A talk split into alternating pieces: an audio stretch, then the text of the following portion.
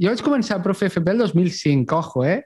I el 2015 em vaig proposar mm, que jo no volia ser profe sempre, que volia fer altres temes, no tenia ben bé clar el què. Deia, emprenedor, superflipat. Continuo ensenyant, però en comptes d'adolescents, doncs a, a persones que estan adultes, que estan treballant, doncs a gent de l'administració, gent d'empreses. I si t'hi fixes, sovint la paraula històries té una connotació una mica negativa, és a dir, ai, no m'expliquis històries. El cervell humà no està pensat per entendre conceptes abstractes i fets i dades, sinó que està pensat per entendre i explicar històries. La meva feina és, en part, doncs, recordar-li a la gent explicar històries no només a la teva privada, sinó també als altres àmbits. Porto quatre anys formant-me en temes de comèdia. He après molts recursos de comèdia que ara jo ensenyo a la gent a fer servir, si tu ets capaç, amb les teves paraules, ja siguin només per escrit, eh, o ja sigui amb una xerrada, amb veu, si ets capaç de crear imatges mentals, això és molt potent. Has escoltat uns fragments de la conversa amb Carles Canyo i estàs escoltant Connecta amb Dani Amo, un podcast sobre humanitat, tecnologia i privadesa, produït amb la col·laboració del grup de recerca Gretel de la Salle Campus, Barcelona.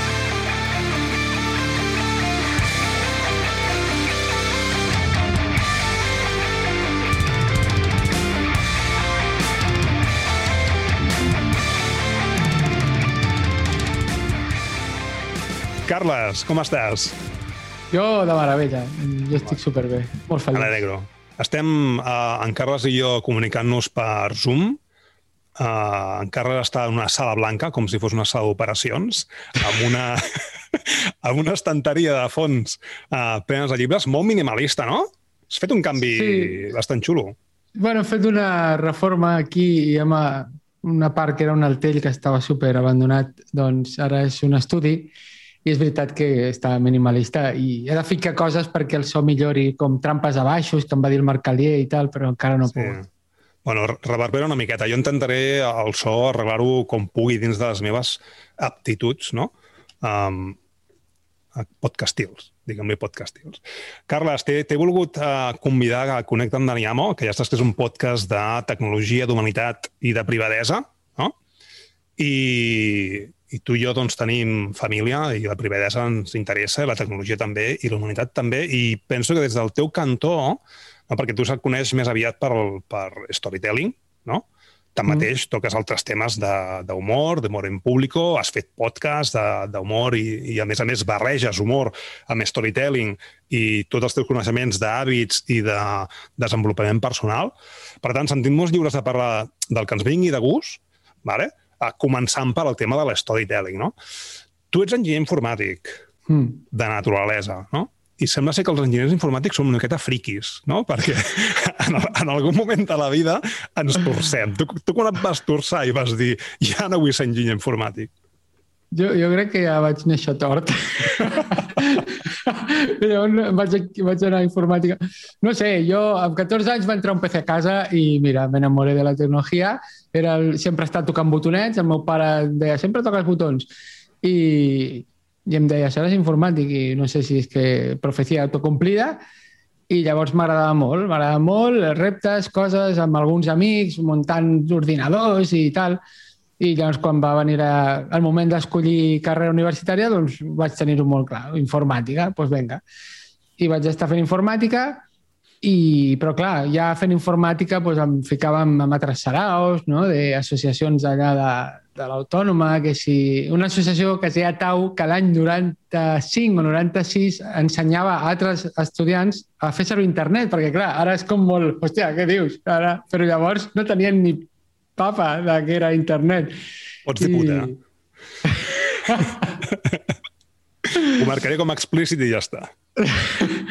I, i res, doncs llavors, eh, jo, el que passa és que després jo mm, treballar informàtic vaig veure que no, que no era el meu, potser és perquè vaig anar a parar una empresa, potser hagués anat a parar una startup d'estes molones i ara seria pues no sé. Bueno, al 96 no sé si es portava molt, no?, el tema de startup no. aquí, o què? No gaire.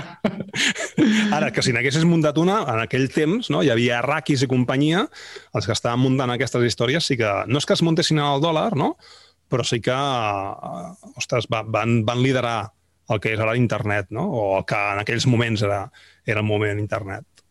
Mm -hmm. I bueno, que, vaig i anar que... a parar a Intercom, vaig fer... Uh conveni de pràctiques a Intercom, que bueno, a finals dels 90 pues, era una de les empreses proveïdors d'internet de referència i, mm. bueno, pues... I allà I, estava, un, estava un departament que li deien consulting, que no era anàvem a instal·lar routers a casa dels clients i tenien, tenien una frase, els cabrons, que deien el que vale, vale i el que no consulti. Hòstia, que cabrones. o sigui, que, que feies de subcontrata del que és ara, no? Pues no sé, no sé què és ara, perquè, però... Perquè ara, ara la història funciona així, és a dir, tens les, les, les operadores principals que subcontracten doncs, que van instal·lar, no? Mm, mm -hmm. No, però jo anava a empreses, no anava a clients. Ah, vale. Anava a vale. petites i mitjanes empreses. Sí, sí, sí, perquè al final, en aquells anys, eh, 95-2000, um, la gent s'ho instal·lava a casa tal com podia. De fet, jo vaig ser un dels pocs que vaig tenir RDSI i començo a enllaçar que era perquè mon pare tenia empresa. Espera, quan, quan parles d'aquestes tecnologies has de posar aquesta veu. Ah, ja vaig començar a fer servir RDSI! farolero! He dicho farolero! De fet, clar, els routers que instal·lava doncs, havien de configurar per línia de, de comandes, alt router, perquè anaven per, per RSI o en català és XDSI, perquè és XDSI. xarxa digital. I, ostres, era un xou, tu. I jo, jo vaig connectar-me a finals dels 90 des de casa amb un mòdem d'aquests que anava per la línia de telèfon, que quan, que quan estaves baixant de coses i algú de casa despenjava per trucar, es tallava la connexió. I jo, no, portava una hora i tres quarts per baixar-me un fitxer de 15 megas i ara ja penjat, saps?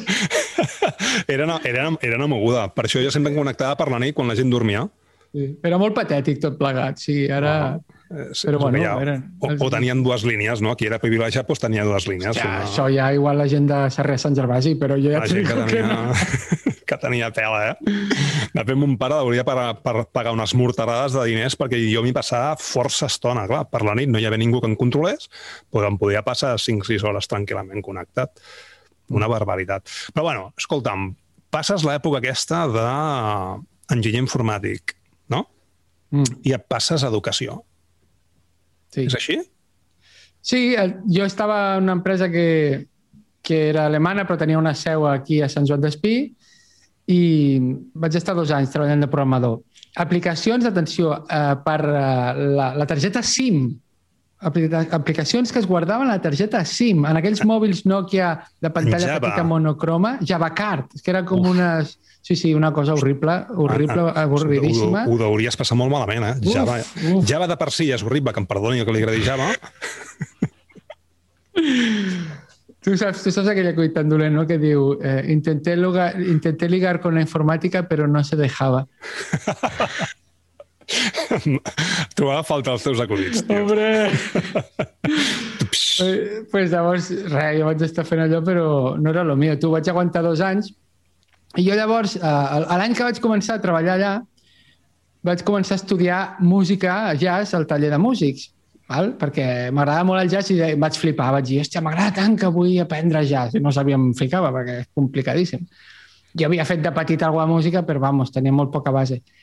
I res, doncs, què passava? Que havia estudiat piano i em posat molta feina i no, uf, arribava a casa a les 7 i havia estudiat dues hores, estava patat. Un dia va venir un amic i em va veure molt agobiat.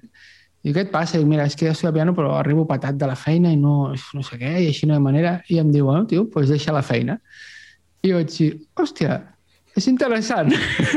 No se m'havia passat pel cap, això. Exacte. Llavors, ho va dir amb una naturalitat i li va sortir. I jo vaig trigar un any perquè, bueno, perquè volia deixar-ho tot ben tancadet, però al cap d'un any vaig deixar-ho i vaig estar un any només estudiant piano, solfeig, harmonia, i després una altra afició que era fotografia, presentant-me a concursos que algun accèssit vaig guanyar.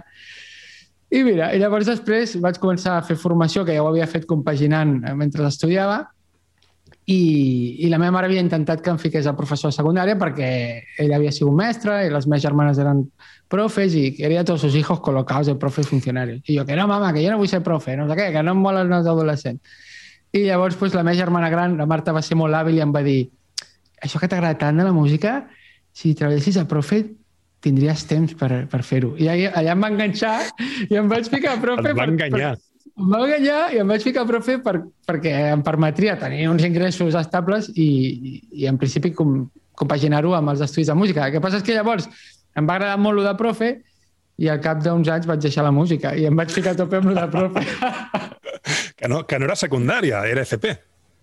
Bueno, sí, diuen, diuen que secundària és FP, ja no sé el que és, però sí, formació professional. Algo de, algo de l'ESO vaig fer, eh? experiència vale. de la qual encara no m'he recuperat. Però bueno. Són dures, eh? Jo he sigut, he sigut profe durant vuit anys, uh, uh, uh, donant classes com a especialista primera i secundària, i, i tu, tu passes molt bé. O sigui, és dur, tu passes molt bé. Eh? L'FP em sembla que és molt més dur, no? No, no sé què dir-te, eh? Jo el que passa és que jo el que veig és que sóc molt de la conya i, i cre... no sé fins a quin punt pot ser tant de la conya quan tens alumnes adolescents. O sigui, no, no vull dir que haguem de ser seriosos, però jo crec que em passava de frenada. I llavors sí, se, se m'acabaven ja... pujant a la xepa, saps què vull dir? No, i a vegades hi ha coses que tampoc entenen, no?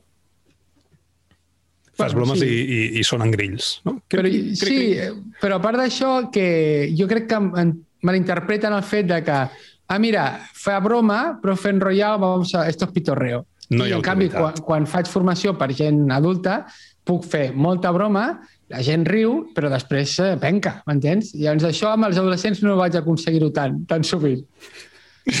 I feel your pain, eh? Al final eh, eh, eh, era així, eh? A la que feies quatre brometes, ja està, el profe enrotllau. I ara què fots, tio? Ara estàs... FP no estàs, no? Estàs en excedència? No, no, vaig deixar no? la FP. Vaig deixar Sí, no, jo era un interí, era un puto interí, ara ja m'ha dit que puc dir puto, i vaig estar 13 anys sent interí. Jo crec que m'hagués jubilat sent interí perquè quan sortien unes oposicions em presentava, però de mala gana, no estudiava. Em vaig presentar a tres oposicions, tu.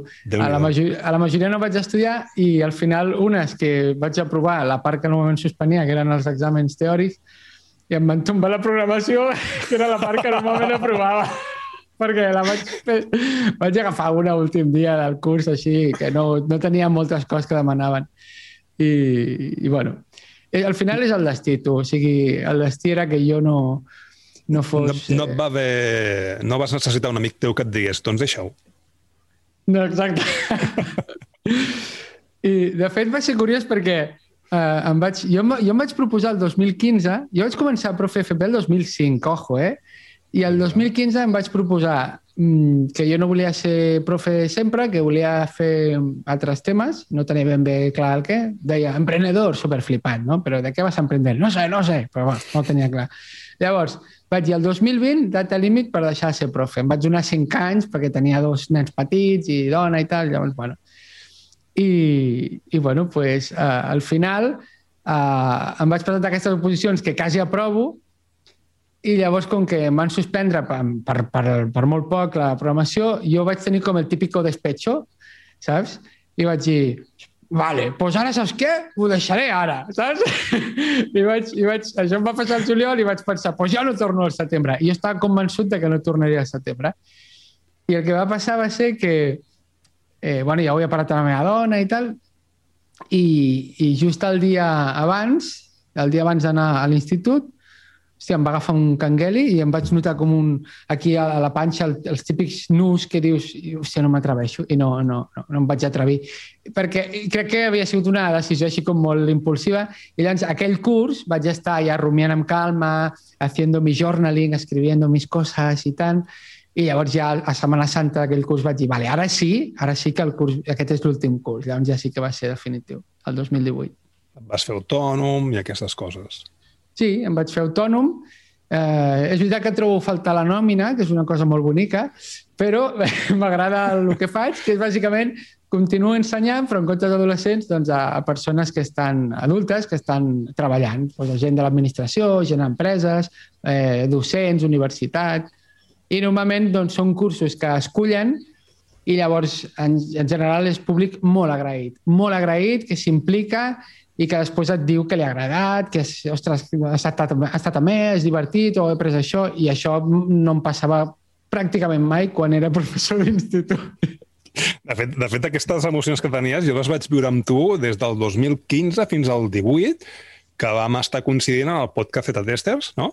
Sí, on sí. vaig aprendre molt de tu, tio, i, i també ens anaves explicant doncs, com t'anava, com et senties, intentàvem doncs, donar-te el suport com, com podíem, no? Hòstia, doncs m'alegro moltíssim, tio, que, que hagis pogut deixar allò que et frenava i que estiguis on, on t'agrada estar. Jo he viscut, eh, eh, situació de... O sigui, jo he sigut empresari, de fet, durant 10 anys he tingut empresa i sé que és estar mal neguit de tenir, o sigui, de, de no saber si rebràs a final de mes, no només per la teva nòmina, sinó pels treballadors, que no sé a vegades eh, que era més xungo, no? que era més eh, difícil de, de portar, sí, ui, és que no li podré donar de menjar a, a aquesta persona que té aquests, que saps quins problemes té o que quina és la seva trajectòria i que vols ajudar-lo, etc etc que, que tu mateix, no? Hòstia, doncs me n'agrado moltíssim. De fet, quan em vaig conèixer, um, tu ja portaves, si no m'equivoco, 5 anys, no? el 2015 més o menys, 2014-2015 van començar a coincidir tu i jo, per mossegar la poma i, i companyia, però des del 2010 portes un blog, que ara és un podcast blog, no? que es sí. diu Presentàstico. Uh -huh. No? Sí, Vull sí. dir que la, la teva afició, i de fet el que ens estigui escoltant, la persona que ens està escoltant ja, ja es veu doncs, que vas intercalant històries, no? intercalant doncs, aquest storytelling, i des del 2010 que, que tu estàs fent un push. De fet, inclús et vas um, plantejar deixar Presentàstico, si no m'equivoco, no? d'oblidar-te de Presentàstico i tirar cap a un altre cantó? Bueno, jo, jo abans venia d'un altre blog també de parlar en públic que fèiem un amic que vam estar un parell d'anys i després jo vaig voler anar per, pel meu compte perquè ell bueno, ens ho agafàvem de manera diferent. Jo estava a full, a tope, i ell pues, era més una cosa pues, com extra. I, i no, en algun moment potser Presentàstico m'he plantejat deixar, però en realitat ha sigut el que s'ha mantingut durant, porta ja 11 anys, i també això m'anima perquè com que sóc una persona inquieta que ha anat provant moltes coses, doncs el fet que això s'hagi mantingut doncs també em serveix. O sigui que el que, el que m'agrada molt el tema de la comunicació eh, i, i poder-ho ensenyar i poder-ho experimentar i, i aprendre i aprofundir, doncs m'agrada molt. I sí, ho he anat, ho he anat barrejant amb, doncs, posant, posant, provava coses a la classe amb els nanos, després provo coses de formacions, després quan fas una xerrada, un podcast, vas experimentant i això és el divertit. Guai, perquè tu el que et mola és l'storytelling. Va, anem a, anem a la pregunta, no? Que a vegades em diuen, però tu què fas, xerrades o fas entrevistes? Dic, no sé què faig, però jo xerro, no? És a dir, xerro amb persones. Uh, tu et dediques a l'storytelling? No? De fet, estàs escrivint un llibre, després en parlem, ¿vale? Uh mhm. -huh. escrivint un llibre sobre storytelling. Um, què és això de l'storytelling, tio? És a dir, um, és, és la virtut de, de vendre la moto o la virtut de, de les experiències, uh, coses que han passat, posar-les dins d'un discurs per donar-li sentit? No, no, no. No, no, el storytelling...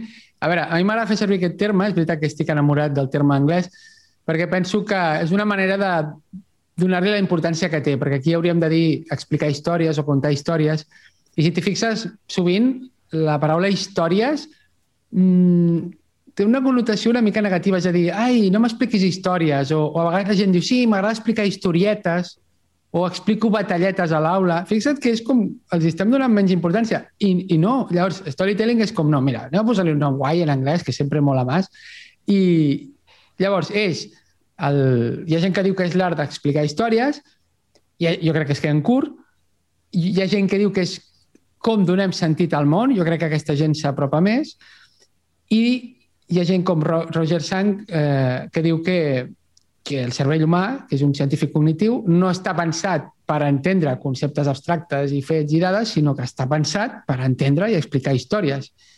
I, bueno, no vull enrotllar, però hi ha, moltes, hi ha teories amb molta gent que diu que els sàpiens vam ser els únics homínids capaços d'explicar històries i que això és el que va fer que fóssim els únics homínids que van sobreviure.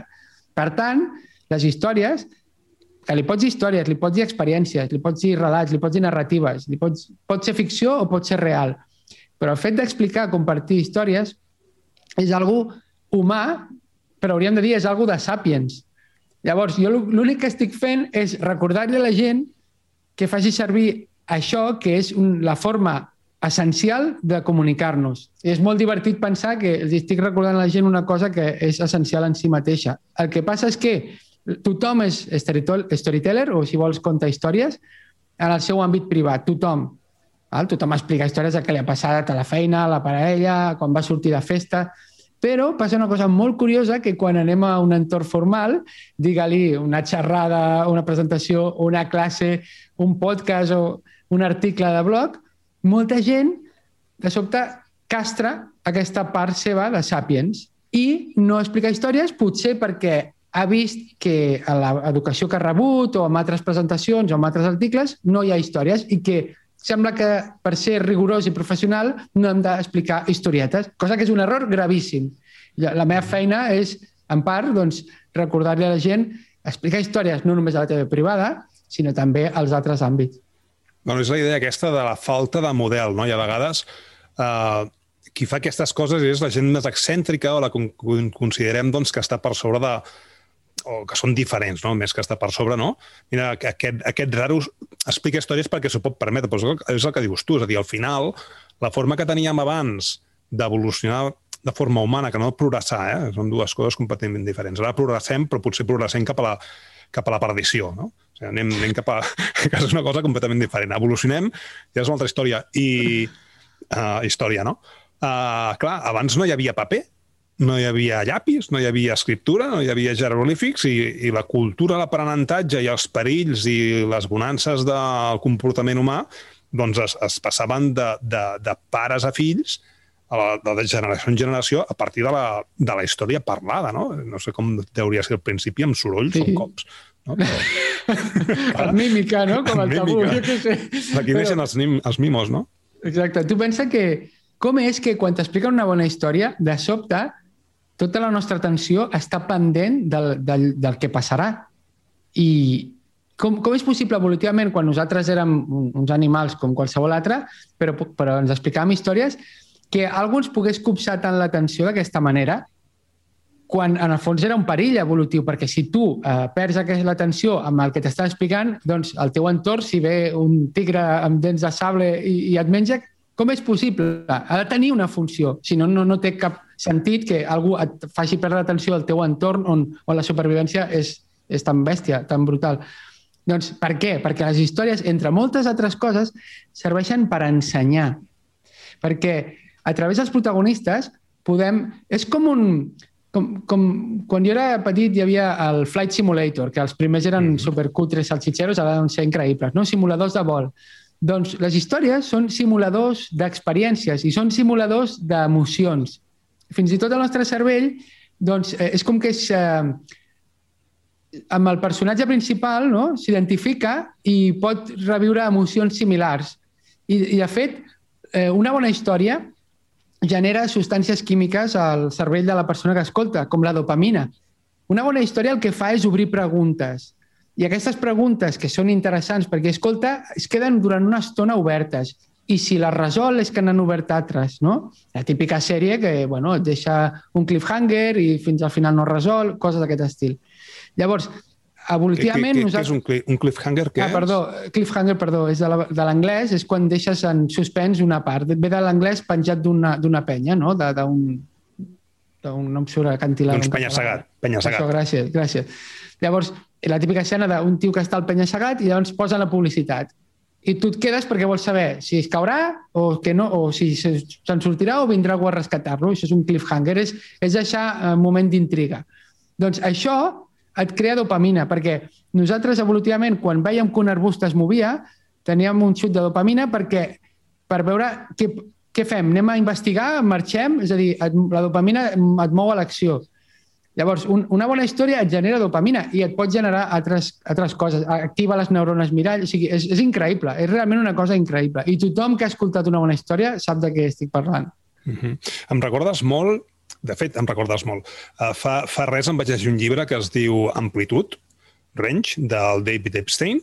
Uh -huh. uh, mentre anava llegint, dic, hòstia, mira, Carles, com uh, en tots aquests anys no, has anat um, donant voltes no? en, el, en el tema aquest de, de, de l'storytelling, no? de l'explicar històries, no? perquè com estàs explicant de dopamina i companyia, a, a ningú, és a dir, si tu et sentes amb el storytelling, no?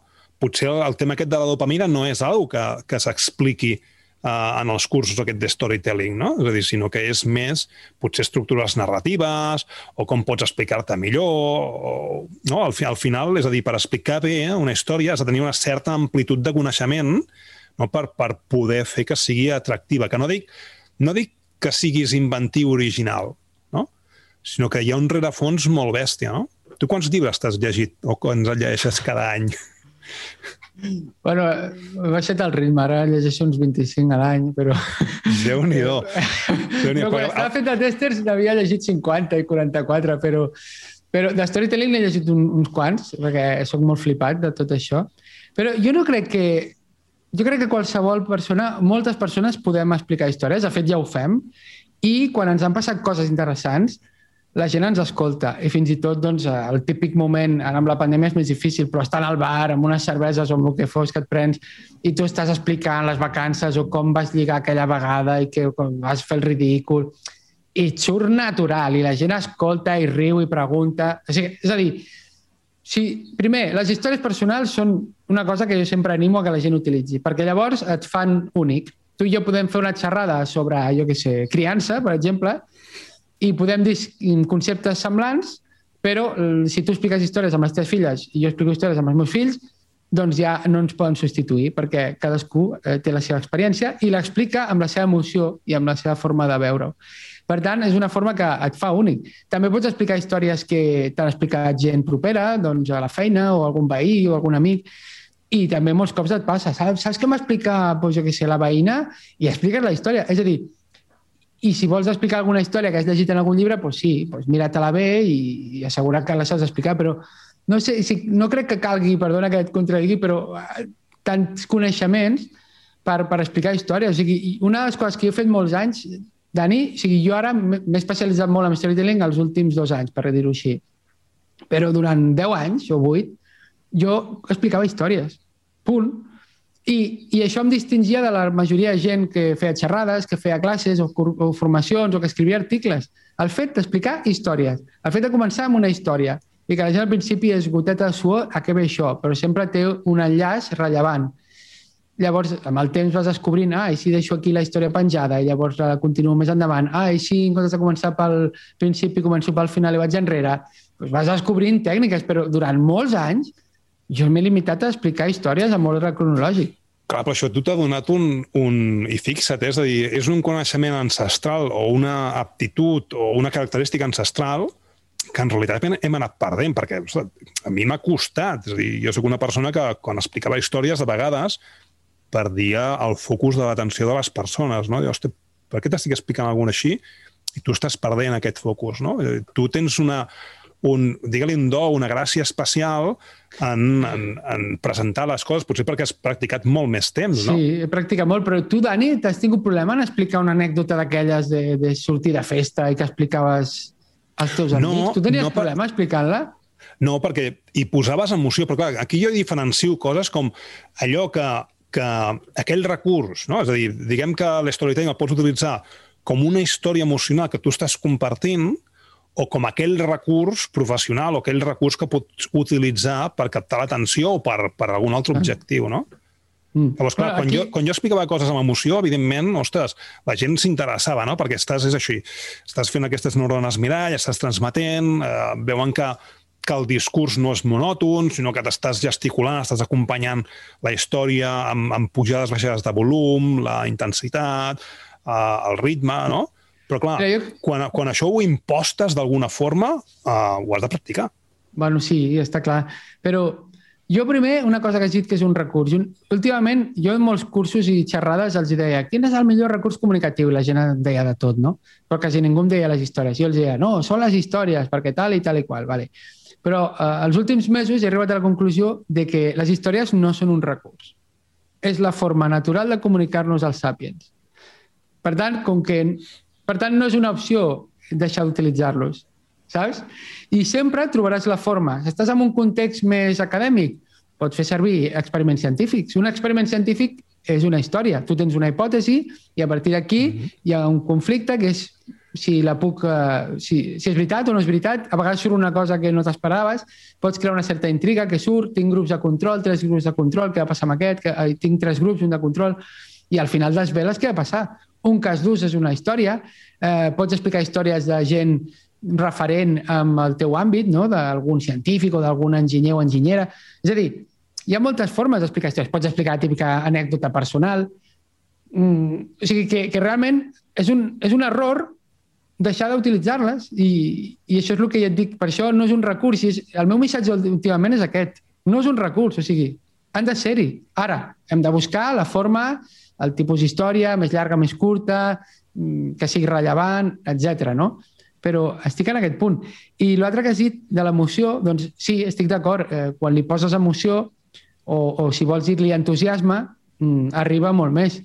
Llavors, eh, mira, jo em va explicar un periodista que es diu Carlos Salas, que vaig entrevistar al podcast, que ell fa formació també de parlar en públic i també parla de storytelling, i feia un experiment que era, eh, potser sort, sortia amb un alumne al passadís i li deia, mira, ara explicaràs una història, eh, a veure, va, quina, una que fos una mica interessant, que t'ha passat a la teva vida. Diu, però quan entris, t'asseus a la cadira que hi ha a l'escenari d'esquenes. Què dius? Sí, sí, tu fes-ho. I llavors ho feia. Entrava el, el, el Carlos Sales, entrava l'alumne, es posava d'esquenes i començava a explicar la història. I al final la gent s'enganxava. És a dir, allò que diuen de sí, l'elo gesto i no sé què, si la història és bona, jo, jo vaig fer la prova basat en això per fer una promoció d'un webinar que vaig fer sobre storytelling i vam penjar LinkedIn i jo sortia d'esquenes. Jo sortia d'esquenes, se'm veia el clatell i deixàvem la història suspesa en dos moments.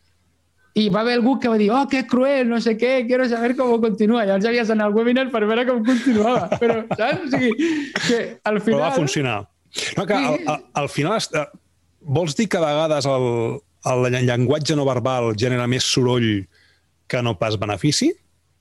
Depèn. No sé, de, depèn, depèn de si vols fer molt impostat. Evidentment, si, si jo explico una història així com fa un cap de setmana em vaig trobar una noia molt Sabent guapa. Aquel... Em... Ah, si ho faig amb aquest to no ajuda, no? Però tampoc he de començar. Sabeu què em va passar l'altre cap de setmana? No us ho podríeu... No, no, o sigui, o sigui has d'explicar-ho una mica com, com quan explicaries als teus amics quan estessis fent un cafè o una cervesa. És a dir, i de fet, una tècnica que jo li dic a la gent perquè tinguin una, una mica més de naturalitat a l'escenari és, abans de pujar, visualitzes, si pot ser tancant els ulls, però bueno, no sempre és possible, i si no amb els ulls oberts, visualitza una uh, escena on tu estàs amb amics i amigues o amb algú que estàs molt a gust eh, en un bar, en una terrassa, prenent la teva beguda favorita i que esteu rient, que tu escoltes com te diuen, eh, t'expliquen una anècdota i tu rius, després tu parles i veus com tothom riu i ara pues, veuen... I és recrear aquest estat mental, i ho faig servir. I, per exemple, amb els monòlegs, que he fet alguns monòlegs a nivell no professional, a l'assemblar, tu tens un text que t'has escrit i t'has après. Però no es pot dir com recitar-lo, no es pot notar que estàs llegint-lo entre cometes al teu cap. Llavors, una tècnica és aquesta, és jo faig aquesta tècnica i surto molt més com si estigués amb els meus col·legues que m'està prenent unes birres. I funciona.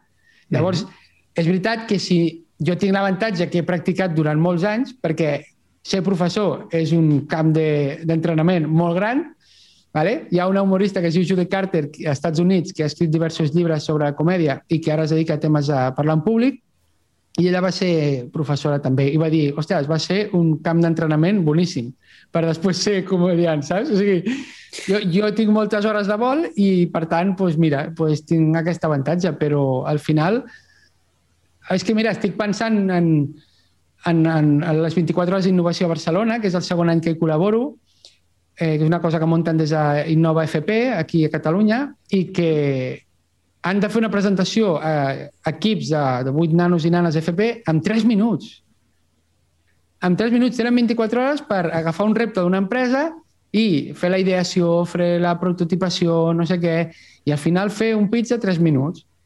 Són nanos i nanes que són de grau superior, segurament jo crec que cap d'ells deu haver parlat davant d'una audiència tan gran, segurament, bueno, potser a classe. Esclar, I als dos anys ho han clavat, Dani. Perquè si tu els hi dones les directrius i els expliques el que han de fer i els expliques no sé què, comença pel problema, no sé què, tal, explica una història, no sé què... Ho fan, ostres, i, i, i, i la majoria ho aborda, saps? Vull dir que, que a vegades també és tenir els coneixements i les ganes de voler fer-ho. I si no et surt bé, doncs torna-hi. O sigui que, que podem dir que a l'storytelling hi ha mètodes i models per explicar amb certa enganxa. Ara s'han passat pel cap el llibre aquest que es diu Les estructures organitzatives de la Narratives, narrativa? No, les estructures elementals de la elementals. narrativa. Oh, oh, quin gran llibre! És amb el papito. Amb el, el papito. papito. És molt bo aquell llibre. És molt bo. I, i et fa, o sigui, t'explica com hauria de ser un, un guió, una història, no? I, i t'analitza pel·lícules, no? I ara quan veig una pel·lícula, hòsties, m'adono compte del papito, no? Mira, aquí hi ha el, el, el gir narratiu, el primer, el segon, etc etc. Hi ha girs narratius en, una, en un storytelling, en una història, o què? Sí, clar, clar. O sigui, de fet, és que, a veure, el tema és que perquè la història enganxi, doncs, a veure, podríem definir una història de forma molt bàsica com un o més personatges que tenen un conflicte i que fins que... i després hi ha una resolució. Aquesta resolució pot ser que superin el conflicte i que... Bueno, i, i, perdó, un o més personatges que tenen un desig molt important uh mhm. -huh. i llavors hi ha un conflicte molt gran que d'alguna manera els impedeix aquest desig. I al final hi ha una resolució. A la resolució poden aconseguir el que volien o potser no ho aconsegueixen. Però una bona història és transformadora, hi ha el que es diu l'arc narratiu, i el, el protagonista no és el mateix al final de com era al principi. I potser no ha aconseguit allò que volia, com queria la xica eh, popular i buenorra de l'institut, que era el seu objectiu, que era un, un nerd loser, no? informàtico con granos, jo què sé. I al final no l'aconsegueix, però s'ha donat que hi ha una noia que és també nerd i friqui i tal, que és la que s'estima. I ha descobert que, que pues una cosa que era no, no tengo que ir a, a la guapa que, ai, popular, sinó que algú que tingui els meus valors i que m'estimi. I pues, ja està, no ha aconseguit el seu desig inicial, ha tingut conflictes, però al final ha canviat, no? Llavors, ara si sentiu sorolles que arriben els meus fills i igual l'alien, però bueno. Eh, llavors, això és lo interessant de les històries, no? I, i no sé què més anava a dir perquè no, no, no, és, no és, la, és la idea aquesta de uh, que li pots donar girs que, que ah. comences amb una idea o transmets una, una idea suposada no? i que després acabes. A mi hi ha un neguit, va, després tornem a això, eh? que és sobre les pel·lícules de dibuixos animats, no? les que podem veure a Pixar o Disney o companyia. Um, gairebé totes comencen amb el pare o la mare morts no? perquè, és a dir, això no, és una no, tècnica. No, Pixar ja no ho fa, això. No això, feia molt hòstia. Disney, això feia molt La mare que els va parir, tio. Un dia la meva filla petita em va dir papa, aquestes pel·lícules que són molt tristes sempre comença amb nena de 5 anys i es dona compte ja de que ei, ja n'hi ha prou de matar la mare o el pare, no? Quin és el motiu d'afegir aquest dramatisme? Bueno, pues ja, ja, ja tens el drama servit, pues, el, mm -hmm. pues Bambi, que és superpetitó, pues se queda sin padre o sin madre, saps? O sigui, què farà? Ja tens una pregunta oberta com se'n sortirà a la vida si no té els seus pares? Ja tens la pregunta i la pregunta, com diu el Albert Sánchez Pinyol, els elements, eh, els, els elementals. elementals de la narrativa, aquest primer gir narratiu és una pregunta que és binària, se'n sortirà Bambi i podrà sobreviure? Sí o no? I al final tens el segon gir narratiu, que és la resposta a això. Llavors, això és la forma més bàsica, que és A i B. A i B, i el, el, el Sánchez Pinyol li diu primer gir narratiu, segon gir narratiu. Jo fa com 10 o 11 anys que explico una versió simplificada del Papito, que és les estructures que explica el Sánchez Pinyol, per comunicar i ensenyar. El Carlitos. El Carlitos. o sigui, jo li dic a la gent, perquè tu pots explicar les històries de diverses formes tu pots explicar, contar històries, explicar històries, i això és una cosa que jo crec que és el nivell 1 del videojuego. Pere, pere, mm. pepe, ven, pues, pues, explica històries, ¿vale? Doncs, segon nivell, eh, fer servir estructures narratives per comunicar i ensenyar. Què? Pues, en comptes d'explicar eh, les roques metamòrfiques denominades comúnmente corrubianita Gutiérrez que le veo, doncs planteges una estructura narrativa. Què vol dir això? Pues, com he dit amb una història, el que t'he dit d'un personatge que té un conflicte, etc també és veritat que havia d'haver dit que normalment hi ha una situació inicial o situació de context. Llavors, doncs tu, si jo he de parlar, per exemple, de la privadesa, començaré situant el, a la gent, no? Llavors diria de algú de l'estil, eh, avui tenim eh, més accés a la informació que mai, però també estem més exposats que mai, no? Pues, aquí ja he plantejat una mica de què parlaré, puc enrotllar-me més, i, de fet, hi ha una cosa que és el rol de l'audiència, o, o com diu el, el Sánchez Pinyol, la presentació del protagonista. Però el protagonista no sóc jo que parla, és la gent que escolta. I això és una de les coses que m'aixaco sempre als meus cursos. Vale? Els dic, no et miris al malic, aixeca la vista, les importants són les que t'escolten. Llavors, vale, els altres. Quin, el, la presentació del protagonista és la teva audiència. Doncs, en, aquesta, en aquest exemple que t'he dit, esteu exposats a que les vostres dades s'utilitzin de forma fraudulenta o no per part de, de, de les empreses i d'altra gent. Jo, mira, és que una cosa molt forta. Anava caminant per un lloc de Barcelona, vaig passar per un lloc eh, sota uns edificis que feien obres i vaig veure un, que havien tret tot a les parets i al terra i havien deixat un mosaic que era, tenia pinta de los anys 70, un mosaic. Jo diria que curiós, han deixat aquest mosaic. Vale. Dos hores després, Google Notícies m'ensenya una notícia dient que eh, aquell mosaic el volien mantenir, que era històric i no sé què. Se'n van caure a terra, així, mira, veus? Croc, croc. Sí, a més, a l'estem perquè no estan anivellats, ja ho saps. No? Exacte. Llavors, llavors doncs, o sigui, Google, Google eh, grava, eh, m'escolta, o sigui, jo ho sé, jo, jo un dia parlant amb ma mare, que vam anar a una casa rural, això ja fa anys, ja abans de la pandèmia, de la truita de patates, no sé què, la truita de patates, no sé què, la truita de patates. Em va començar a ensenyar notícies de tortillas de patates. I el mòbil estava a, a, a, vull dir, encès, però la pantalla apagada. Llavors, aquí ja estic parlant del, del paper del protagonista que t'escolta. Llavors, primer gir narratiu o punta. Hem de, hem de plantejar una pregunta oberta que no resultarà fins al final de la xerrada o de la teva classe. No? Pues A i B. Llavors, podem fer servir internet sense exposar-nos contínuament les nostres dades? M'acabo d'inventar, però ja seria una pregunta. I al final tindràs la resposta. Daniel o diu que sí o diu que no, o diu que depende, jo què sé. Llavors, enmig, tu t'explicaràs el teu missatge principal i les teves idees principals. I això és fer servir una estructura narrativa. I això és el que jo faig servir quan faig xerrades i a vegades quan faig formacions i, i va, va molt bé, va molt bé. Uh -huh. I tot això, tot aquest coneixement, l'estàs plasmant en un nou llibre o el nou llibre és una altra història completament diferent? Sí, el, el llibre aquest de storytelling és... El títol encara no el tinc, però la idea és storytelling per comunicar i ensenyar, fent servir històries reals. Sí que dic que pots fer servir històries fictícies, sempre i quan diguis que són fictícies, i, i allà explico moltes coses que estic dient aquí, el de l'estructura narrativa ho explico per damunt, no, no aprofunditzo molt, però, però explico doncs, des de com escollir històries, com modelar les històries perquè tinguin, enganxin més a la gent, com explicar-les. Llavors, bueno, doncs la veritat és que ha sigut molt, molt xulo poder escriure'l perquè he pogut al final ficar en un lloc el que havia après i fent el llibre, doncs, evidentment he aprofundit i he afegit altres coses que he anat descobrint, com per exemple hi ha una cosa que jo dic que és eh, la tirania de la cronologia la majoria d'històries s'expliquen de, en ordre cronològic de, des del passat al, al present, no? I això està bé en molts casos, però bueno, eh, hi han recursos per, per fer salts temporals que la, els fan servir a les novel·les, a les sèries, a les pel·lícules. Tu pots començar mm. pel mig, pots començar pel final i després viatjar enrere i, i després hi ha un altre recurs que se li podia dir la tècnica memento, que és com la pel·li, que va de sí. cap enrere, però en aquest cas que la gent s'enteri d'alguna no? Perquè jo quan vaig veure memento no feia nada el primer cop. Llavors, eh, ja, jo li dic cronologia inversa. I avui, per exemple, he gravat una entrevista que sortirà publicada demà demà passat al podcast i el convidat li he fet una cronologia inversa. És a dir, en comptes de començar, era un convidat que havia fet un, un, un canvi molt important a nivell professional, val? i fa, fa un any i pico.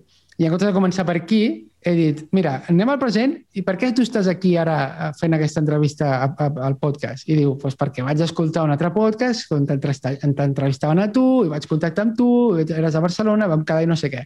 I jo, i per què vas... Eh, escoltar aquest podcast? Doncs perquè no sé què. I per què estic interessat en la comunicació? I per què estàs interessat? I llavors hem anat tirant enrere i hem estat com 40 minuts fins que hem arribat. A més, hem creat l'expectació perquè en algun moment diu, ostres, clar, no puc dir el, aquest canvi important que vaig fer. Dic, no, no, encara no. Llavors, estaven creant intriga. Ja hem trigat 40 minuts fins que hem arribat al punt en, en ell va fer un canvi molt important professional. Llavors, doncs mira, doncs, uh, pots fer coses aquestes. Estem parlant del podcast de Presentàstico, eh? Sí. Però, clar, tu ets un tio molt inquiet, que no has parat i que tens diferents fronts oberts i alguns que has obert i alguns que has, que has tancat. Vale? Què vull dir? Storytelling, per un cantó. Desenvolupament personal, que això entenc que també t'ha servit moltíssim pel tema de storytelling, no?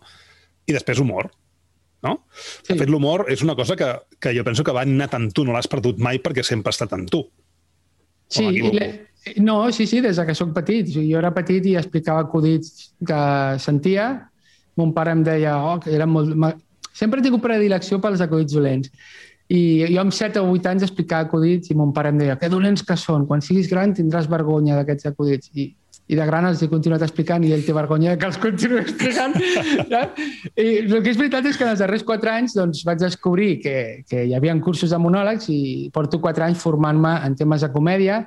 He fet diversos cursos de monòlegs, eh, tant presencials com online, com- i he llegit molts llibres i, clar, eh, he après molts recursos de comèdia que ara jo ensenyo a la gent a fer servir, per exemple, eh, a, a docents de la universitat o a professionals sanitaris, doncs amb un curs que es diu Comunicar i ensenyar amb humor. Jo mateix he fet algunes actuacions, a monòlegs, doncs, eh, bueno, la majoria així doncs, eh, no professionals, alguna fins i tot he cobrat, i és molt xulo perquè també és, és un altre és un altre superpoder i quasi que estic veient també que l'humor, no sé fins a quin punt, és algo també dels sàpiens, bueno, igual en altres espècies eh, també riuen, no? Diuen que... Vaig llegir en un llibre que un ratolí, si li, si li fas veure que li fas pessigolles, ja, ja riu abans de que li facis com un nen, no? Vull dir que doncs, hi ha més animals que poden riure, però que no, puguin, no, no es poden crear acudits, saps? I, i l'humor, en el fons, és un mecanisme psicològic que tenim els humans per afrontar conflictes, per rebaixar tensió i per connectar-nos socialment. O sigui, en realitat l'humor és una cosa molt seriosa Uh i, i estic eh, pues, a tope amb això. No està escrivint cap llibre d'això. bueno, en el fons de començar-lo perquè... Otro más?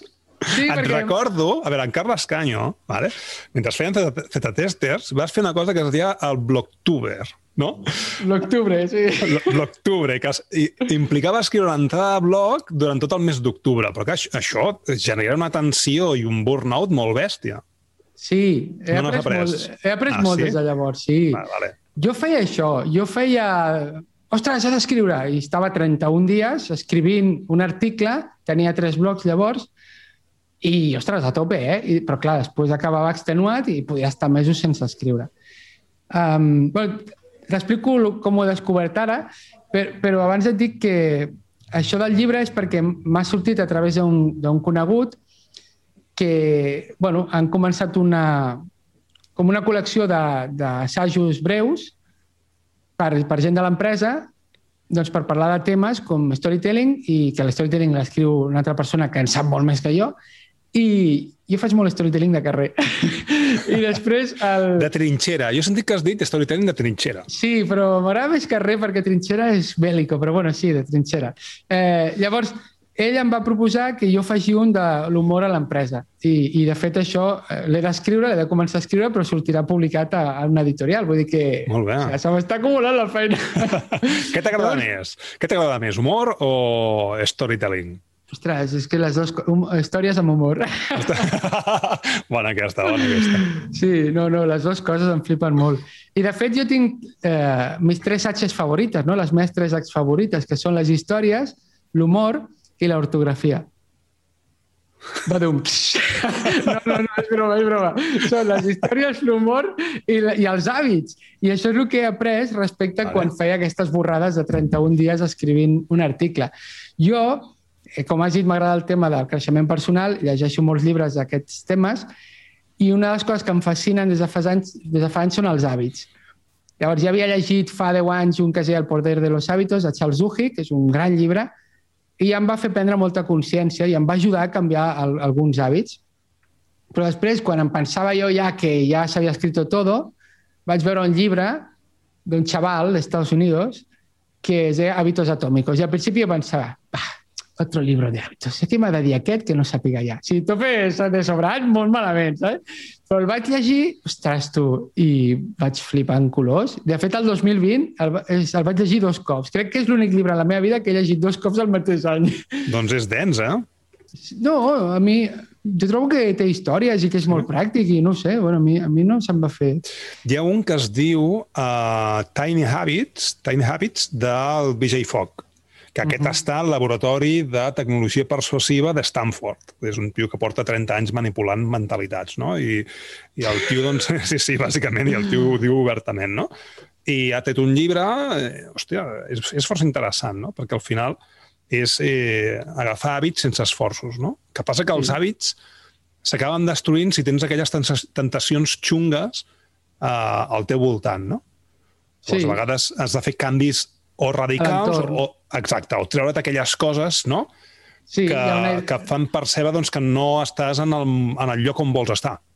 Sí. Mira, és curiós perquè la setmana que ve començo a donar un curs que es diu La força dels hàbits per aconseguir els teus propòsits. I, I llavors pues, parlem d'aquestes coses i sí, l'entorn, evidentment, és una de les coses que una de, ha de tenir en compte, has d'evitar a vegades certs entorns, has de crear algun entorn per fer segons quina cosa o modificar-los, no? I, I sí, sí, és, és, tot, és tot fascinant, la veritat. Són, són tres sacs que, que estic amb això i, i que trobo que estan les històries i l'humor estan relacionades i, i el dels hàbits una mica, al final, jo he arribat, m'estic tornant una mica boig, però tot és storytelling, Dani. Tot és storytelling, ¿vale?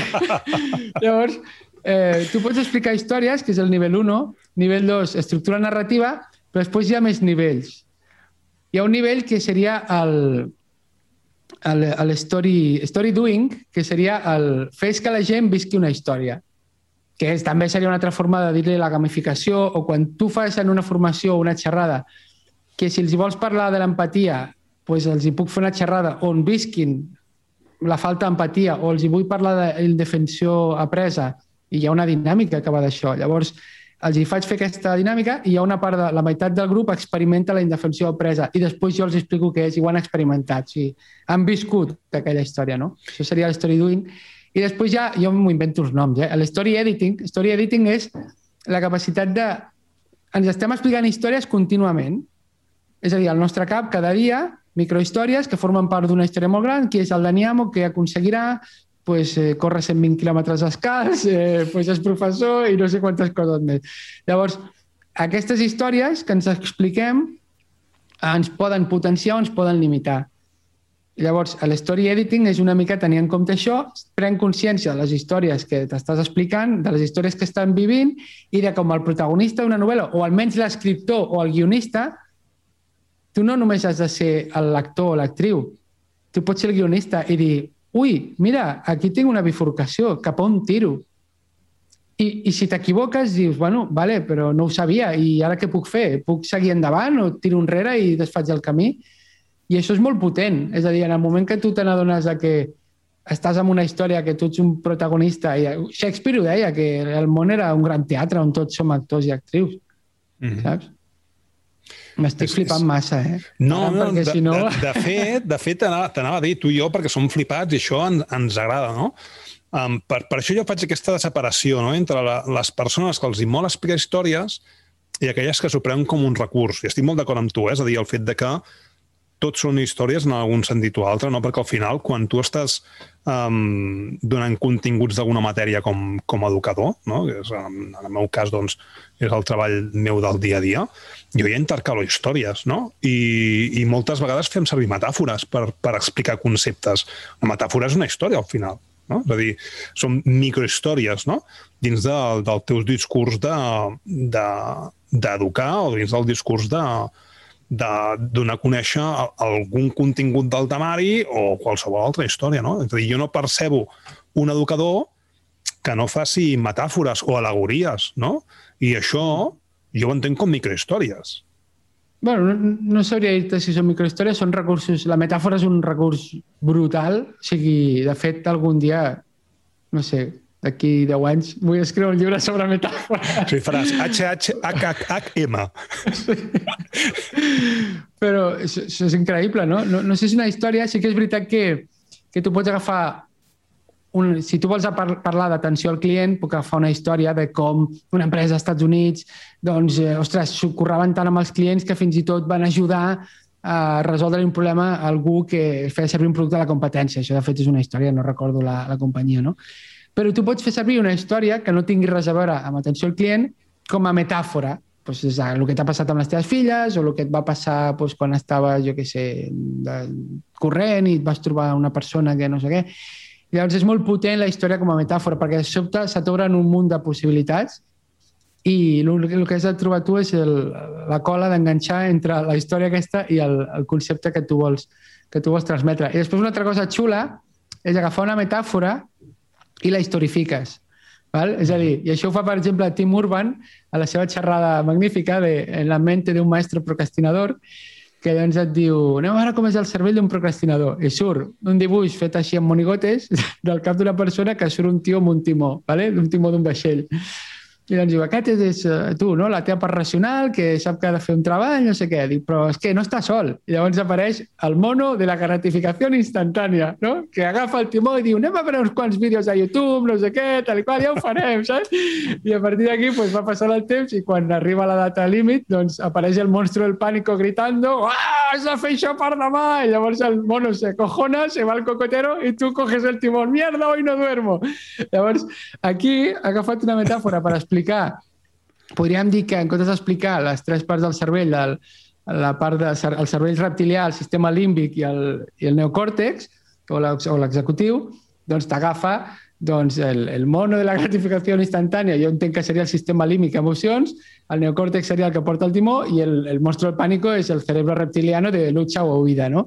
Llavors, en comptes d'explicar-t'ho així, t'ho explica amb una metàfora de portar un vaixell a, una, a un destí i muntar una història. Llavors, amb això doncs, entens perfectíssimament doncs, eh, tota, la, tota la història. I segurament es recorda molt millor que si hagués fet servir els termes...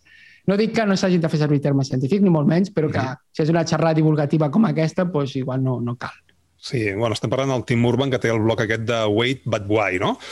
El tio és un crac. De fet, el que em dono compte és que les imatges, no? més que els conceptes, són, o, o les imatges amb conceptes, no? Fixa't que el, el concepte del límbic, el neocòrtex i tal, els hi posa una imatge, no? en, en concret, no? Llavors, uh, dins de les històries, si no um, fas que les ments projecten imatges, estàs incorrent en error. És a dir, has, has de procurar que ho visualitzin M'explico el que vull sí, dir? Sí, és molt bona aquesta, Dani. Um, jo no diria que estan incorrent en un horror. A veure, jo sempre dic que l'storytelling és com el sexe, no? Hi ha, hi ha una frase que diu... que David Lynch deia que deia això, diu, l'storytelling és com el sexe, diu, tothom el practica però alguns se'ns dona millor que d'altres, saps? és brau, eh, David Lynch? Total, total. Però, però bueno, és veritat, és a dir, tampoc hi ha ja, no cal haver llegit el Kama Sutra per practicar el sexe i no, no cal haver llegit llibres de storytelling per explicar històries com fem la majoria dels humans. No? Però sí que és veritat, com dius tu molt bé, que si tu ets capaç, amb les teves paraules, ja siguin només per escrit eh, o ja sigui amb una xerrada, amb veu, si ets capaç de crear imatges mentals, ostres, o sigui, la, els llibres, per exemple, a mi sempre m'han fascinat els llibres, no? Sembla una activitat molt passiva, no? Estàs allà assegut, mirant unes lletres en un paper, però clar, tu estàs imaginant i molts cops et venen les imatges i les estàs construint i les esculls tu. Per tant, no és tan passiu, no? Si, I amb una bona història et fa això. I en comptes de dir, doncs, jo què sé, doncs imagina't tu, no?, que quan fas analítica a l'aprenentatge, no? doncs podíem dir, pues un alumne de mates que té problemes amb les mates, però la seva professora, pues, gràcies a l'analítica d'aprenentatge, doncs, ho detecta i no sé què. Bueno, és una microhistòria, però, però en canvi sí puc dir, doncs mira, hi ha un noi que té 15 anys, que fa metro 90 i va amb una motxilla de color lila. Pam, ja t'he plantat una imatge. I quan et parli d'aquest noi, que li puc posar un nom que, que es diu Pau, no? pues mira, com el gasol, pues llavors, doncs, quan digui, i el Pau tu t'imaginaràs el noi de 16 anys de metro 90 amb la motxilla lila. I això és molt potent, saps? I de fet, a, a Irlanda, que són grans storytellers, tenen, li diuen the gleaming detail, no? que és com el, el detall que brilla. Molts cops una història la podria simbolitzar amb una imatge, i en aquest, noi, en aquest cas podem posar el noi així, eh, doncs me l'imagino vestit de los, de los Lakers amb la motxilla lila, no? precisament Lakers, no? que és amarillo i lila, saps? I, i hi ha històries pues, que podria simbolitzar, pues, no sé, pues, amb, amb, amb una pedra o amb un... No sé. I llavors sí que, sí que és interessant. I al final, la idea és que quan expliquis una història procuris eh, fomentar la concreció perquè la gent pugui construir-se les imatges. Jo vaig tenir un convidat que és l'Oriol Rius, al podcast, que de fet va venir a Z Testers, molt maco, i va explicar una anècdota que al final, bueno, es veu que va anar a una, un, un hotel de cinc estrelles a veure el Víctor Coopers, una conferència, no sé què, era un hotel d'aquests de luxe que tal, que es veu que era tan de luxe que hi havia com una mena de llac artificial que no es veia ben bé al límit i el tio va ficar els peus a dins. I llavors es veu que va anar, va parlar amb els de l'hotel, van ser molt amables, i ja estava en un lavabo, assegut a la tassa del vàter, en calçotets i amb un assecador aixugant els pantalons. Clar, jo no sé si ho has vist tu, però quan, quan m'ho va explicar jo el veia en dins del meu cap, veia l'escena. Al final, el que hem de fer quan expliques històries és que hem, hem d'explicar-ho de, de tal manera que si les nostres paraules siguin com, com impressores 3D per a les mentes de qui nos escucha. Trobava falta aquesta part poètica del Carles. Tu queries una metàfora? Pues toma metàfora. Molt bé, tio. Hòstia, portem una horeta uh, parlant de storytellings, d'humor, de Presentàstico, que és on et trobaran, no, ara mateix? Sí, senyor, a Presentàstico estic allà. Tinc, tinc un altre podcast de fa uns mesos que, que és diferent, perquè són episodis més curts, uns 15 minuts, i es diu Bookcasters. No? Està la figura del booktuber, que és aquell que parla de llibres a YouTube, doncs jo vaig dir, ah, pues, porque no hay podcasters que hablen de llibres, doncs bookcasters. I llavors eh, és un podcast que els, els episodis senars són sobre llibres infantils i normalment surten els meus fills o si no altres nens i nenes i els episodis per ells doncs, són uh, llibres per, per adults i, i pues, allà també estic fent. Però això és més així de com que m'agraden molt els llibres, doncs tenia necessitat de, de fer això. Però sí, sí, el meu, la meva casa principal és presentàstica.com, sí, sí. Guai. I quan dorms al dia, tu? No, jo dormo bé, eh? Jo dormo, eh, sí, set hores, set i mitja, i el que passa és que, no sé, per exemple, televisió zero i Netflix zero. Llavors, clar, al final, doncs, bueno, no sé... Eh, Estàs produint. No, és que al final tot és qüestió de prioritzar i de tant en tant sí que miro alguna sèrie, no t'ho no negaré, poquetes, i a vegades penso, ostres, m'han recomanat moltes sèries, però mira tu, no sé. Molt bé. Bueno, escolta'm, la qüestió és trobar l'equilibri, no? I, I acabar fent el que t'agrada. I m'alegro moltíssim, tio, que mm. estiguis fent el que t'agrada, que visquis al límit com un autònom.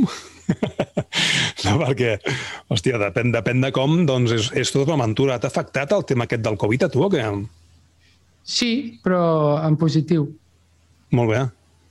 Més que res perquè la teva feina potser ara la pots inclús, eh, és a dir, la pots fer en, en diferit, en diferit, perdó, a distància.